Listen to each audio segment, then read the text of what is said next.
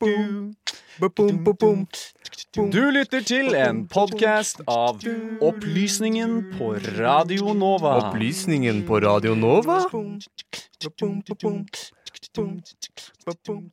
Og det skjer ukentlig mye over hele verden, Sander. Men ikke alle saker er store nok til å bli en hel sak. Noen er interessante, men ikke store nok, og noen har bare så vidt begynt å utvikle seg. Derfor har vi Derfor har Benjamin tatt for seg fem saker på fem minutter. Ganske presist. På én uke skjer det mye i verden. Og ikke alle saker er store nok til å bli en egen sak. Derfor tar vi for oss fem kjappe saker fra uka som har gått, slik verden så ut onsdag 26. februar.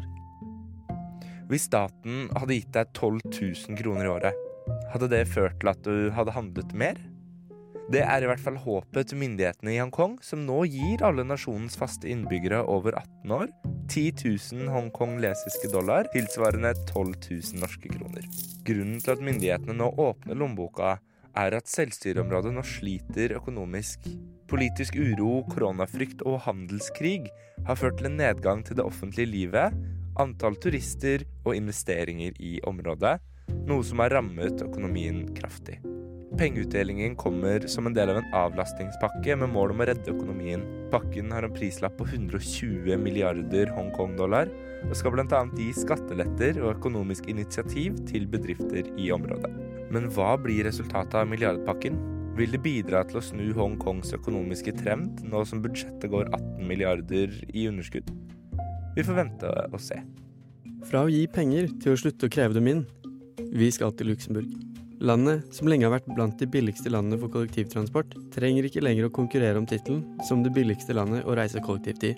Fra og med søndag blir offentlig transport nemlig gratis, og du kan reise med buss, tog og trikk innenfor landets grenser uten å betale. De eneste reisene som gjør at du må åpne lommeboka, er dersom du ønsker å reise i første klasse, eller på tog som forlater landets grenser. Tiltaket er et forsøk på å minske landets bilkøer Luxembourg er tross det man kanskje skulle tro, det landet i Europa med flest biler per innbygger, samtidig som hver innbygger i snitt sitter 35,5 timer i kø hvert år. Spørsmålet er om skiftet fra billig til gratis kollektivtransport kommer til å føre til en nedgang i trafikken og køene. Derimot er ikke alle i Brasil like fornøyd med staten sin. Landet som denne uken har det storslåtte karnevalet på kalenderen, har fått store sikkerhetstrusler etter at flere politimenn har gått ut i streik. De streikende politimennene streiker fordi de ønsker høyere lønn, til tross for at streiking ifølge brasiliansk lov er ulovlig for nettopp politimenn. Kriminalitet er et stort problem i det søramerikanske landet som er i verdenstoppen av land med mest kriminalitet. Brasilianske myndigheter melder at som et resultat av de streikende politimennene har mengden drap mer enn femdoblet seg. I delstaten Serara nordøst i landet har 147 mennesker blitt myrdet de siste fem dagene etter at politiet begynte å streike. Landets president Jair Bolsonaro har satt inn den nasjonale garden i et forsøk på å holde kriminaliteten nede. Greier landet å kjempe mot de økende voldsnivåene uten politiet? Må regjeringen vike, eller er årets karneval rett og slett ødelagt? Fra streiker i Brasil til demonstrasjoner i India. India er et av de mest religiøst mangfoldige landene i verden. Her finner vi bl.a.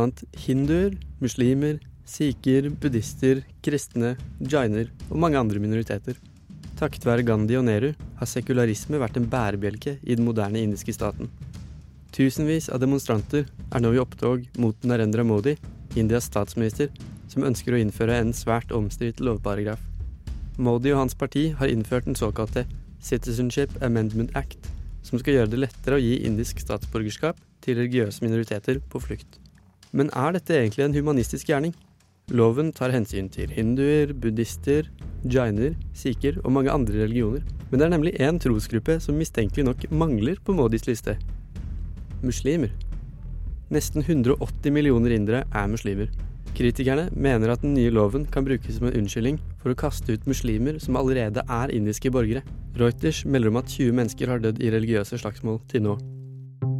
Fra demonstrasjoner i India til gamle demonstrasjoner i Egypt. Presidenten som i 2011 måtte gå av etter store demonstrasjoner i landet, Hosni Mubarak, døde tirsdag. Mubarak er landets lengstsittende president, og satt ved makten i det nordafrikanske landet i nesten 30 år, før han gikk av etter den egyptiske revolusjonen.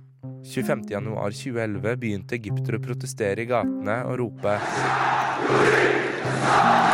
Folket vil rive ned regimet. Litt mer enn to uker senere måtte Mubarak se seg nødt til å gå av som president. Landet har i tiden etter vært preget av politisk kaos, men nå er den tidligere presidenten dømt for korrupsjon og maktmisbruk død. Hvordan vil Mubarak bli husket? Vil han bli sett på som den progressive presidenten som knyttet USA og Egypt nærmere sammen? Eller vil han bli sett på som opphavet til alt rot i ettertid? Det kan bare tiden vise. Rep reporter i denne saken var Benjamin Nordtønne og Sander Zakarina. Du har nå hørt en podkast fra Opplysningen 99,3. Finn denne og tidligere episoder på Spotify, iTunes eller der du måtte finne dine podcaster ellers.